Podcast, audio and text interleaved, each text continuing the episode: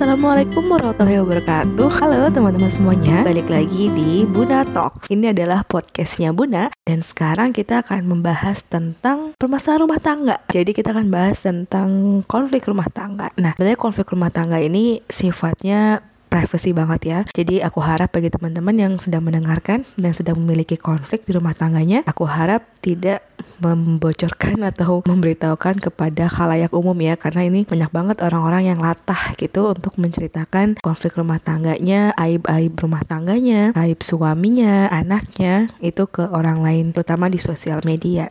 Ini fenomenanya udah terjadi dan sangat menyedihkan sekali ya mengingat kita kita istri itu adalah pakaian bagi suami dan suami juga pakaian bagi kita. Dan konflik rumah tangga ini sebenarnya multifaktorial ya. Jadi faktornya bisa jadi lebih dari satu uh, dan bisa juga datangnya dari internal, bisa juga datangnya dari eksternal gitu ya. Bisa datangnya dari karena komunikasi yang gak kelar-kelar gitu kan. Kok kayaknya miskom terus sama suami gitu kan.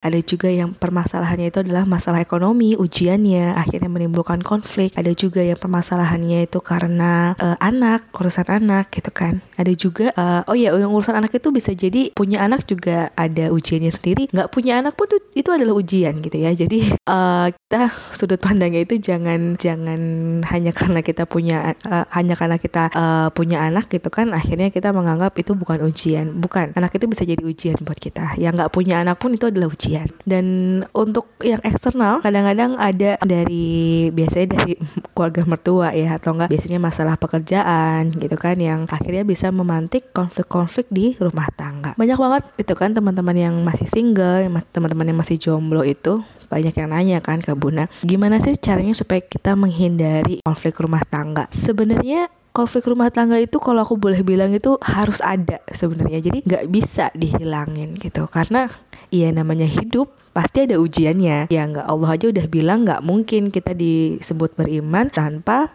kita itu akan diuji gitu kan. Diuji dengan ketakutan diuji dengan kekurangan buah-buahan gitu kan. Jadi ya konflik rumah tangga itu memang harus ada supaya kita sebagai istri ya dan suami kita kita berdua itu punya pengalaman kita itu punya pengalaman dan yang nantinya bisa jadi akan bermanfaat gitu kan akan bermanfaat di uh, kemudian hari untuk menjalani bahtera rumah tangga untuk menjalani ujian-ujian selanjutnya gitu. Jadi kalau misalkan dibilang gimana caranya menghindari konflik rumah tangga, ya jangan dihindari.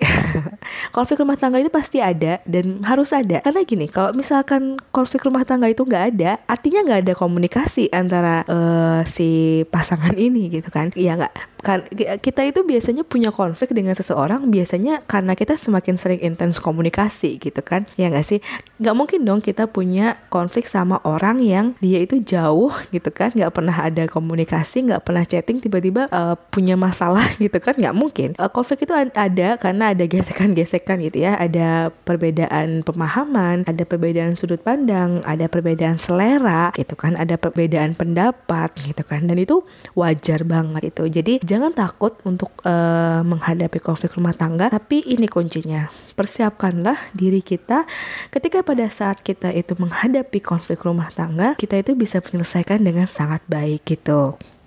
Kita sebagai manusia biasa pasti punya rasa emosi ya kita pasti pernah ngerasain bahagia ngerasain kesal dan biasanya yang namanya konflik rumah tangga pasti identiknya dengan rasa marah ya rasa marah rasa sebel rasanya iya pokoknya hawa-hawa negatif ya nggak mungkin ya ada orang yang menghadapi konflik rumah tangga terus dia bahagia tuh kayaknya jarang ya. Nah, uh, kata kuncinya adalah kita boleh punya emosi itu, kita boleh, tapi kita harus mendeliver atau kita bisa menyampaikan itu dengan sangat baik. Jadi bukan konfliknya yang dihindari, bukan emosinya juga yang dihindari atau dipendam, tapi kita menyampaikannya dengan sangat baik. Kalau misalkan kita memang masih membutuhkan waktu, uh, waktu untuk menyendiri atau enggak waktu untuk dealing dengan diri kita sendiri, sampaikan kepada pasangan kita, Mas gitu kan, misalkan manggil suaminya Mas atau enggak Abang gitu kan, aku lagi kesal, aku lagi marah, aku mau minta waktu sendiri, boleh?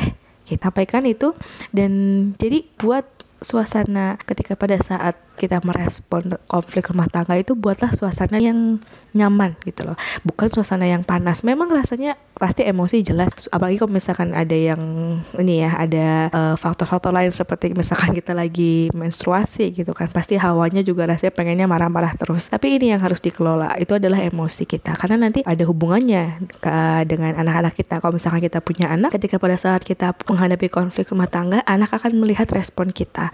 Dan kita harus mendeliver itu dengan baik. Makanya benar banget ya di, di dalam Islam itu kalau memang tidak bisa berkata baik mending diam. Itu adalah sebuah kalau menurut aku sebuah treatment yang yang paling terbaik gitu loh. Jadi benar-benar kalau emang kita nggak bisa ada hal-hal baik yang bisa kita omongin misalkan memang dari mood kita itu akan akan keluar kata-kata kasar ya mending kita diam aja gitu loh. Jadi berdiam diri ketika pada saat kita uh, emosi, kita marah itu bukan suatu hal yang pengecut ya, tapi itu adalah salah satu mekanisme respon yang sangat baik gitu. Nah, selanjutnya ketika pada saat kita mau menyelesaikan konflik rumah tangga, itu usahakan tadi ya sudah kita berhasil dealing dengan diri kita sendiri, dengan emosi kita, baru kita bisa bicara dengan pasangan kita, membahas apa yang terjadi. Kalau jadi kalau ia pun kita mau marah, mau berdebat, berdebatlah dengan cara yang ahsan, dengan cara yang baik. Berdebat cara yang ahsan itu adalah berdebat yang tidak menghina, tidak menjelek-jelekan, tidak menghardik, gitu kan. Mungkin ada agak sedikit tinggi boleh gitu kan. Tapi ya tadi jangan menghina jangan meng menghardik. Jadi berdebatnya itu intelektual.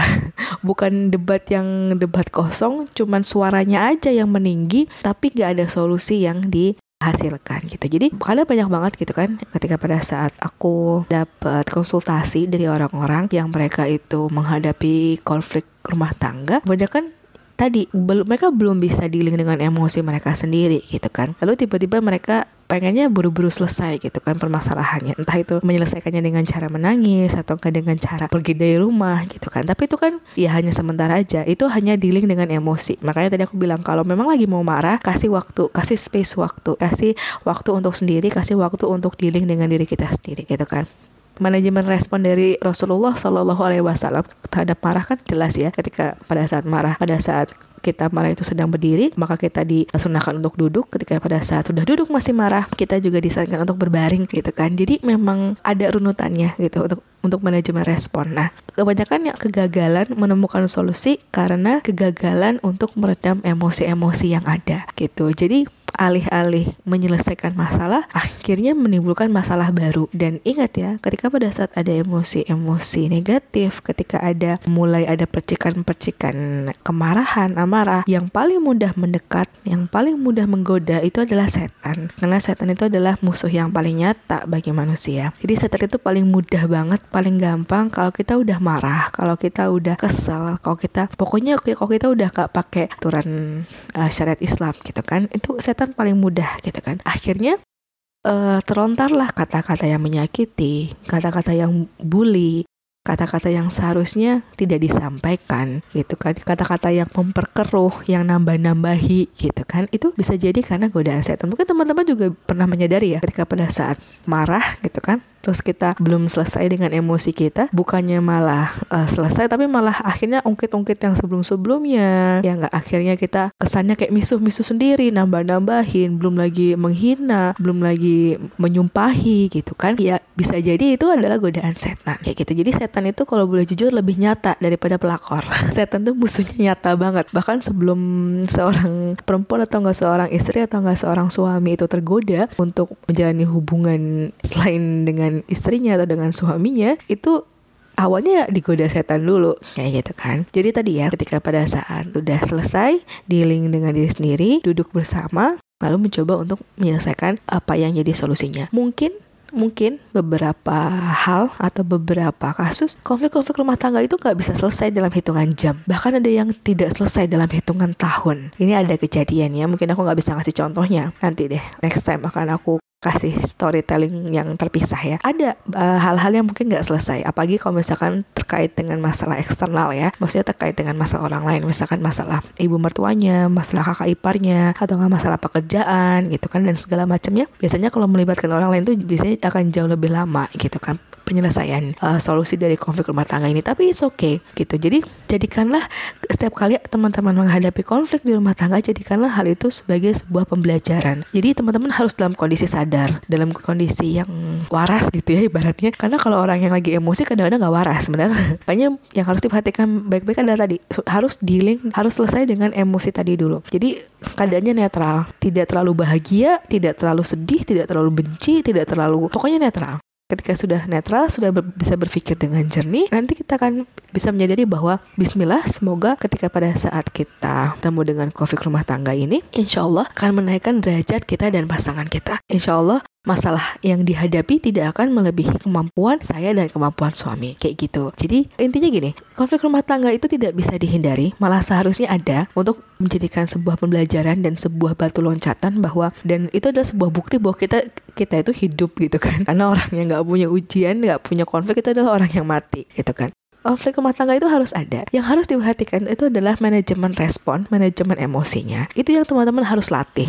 Ini mungkin untuk yang jomblo belum bisa latihan ya, gitu kan? Karena ini memang latihannya itu memang harus terjun langsung, gitu kan? Tapi tadi yang harus dipegang adalah, insya Allah apa pun ujiannya, apa pun konfliknya, ini tidak akan melebihi kemampuan dari teman-teman semuanya. Dan ini pesan aku yang paling ini aku taruh terakhir tapi karena karena ini yang paling penting. Ketika pada saat teman-teman itu punya konflik rumah tangga konflik rumah tangga itu pasti bakal ada. Tapi ketika pada saat yang bersamaan teman-teman teman-teman dan suami gitu kan atau enggak pasangan yang dia itu bermaksiat kepada Allah bermaksiat di sini misalkan seperti suaminya itu mohon maaf jajan di tempat lain gitu kan suaminya itu tidak memahami tentang batasan-batasan komunikasi dengan lawan jenis gitu Lalu di saat yang bersama teman-teman juga sedang bermaksiat kepada Allah, itu akan jauh lebih susah untuk, untuk diselesaikan. Kenapa? Karena konflik yang ada itu ibaratnya bisa jadi bukan ujian dari Allah, karena bisa jadi itu ya sebuah teguran gitu kan bisa jadi sebuah teguran dan biasanya sulit untuk diselesaikan juga nantinya biasanya yang ada hanya emosi yang meletup-letup bisa jadi kekerasan fisik bisa jadi kekerasan bully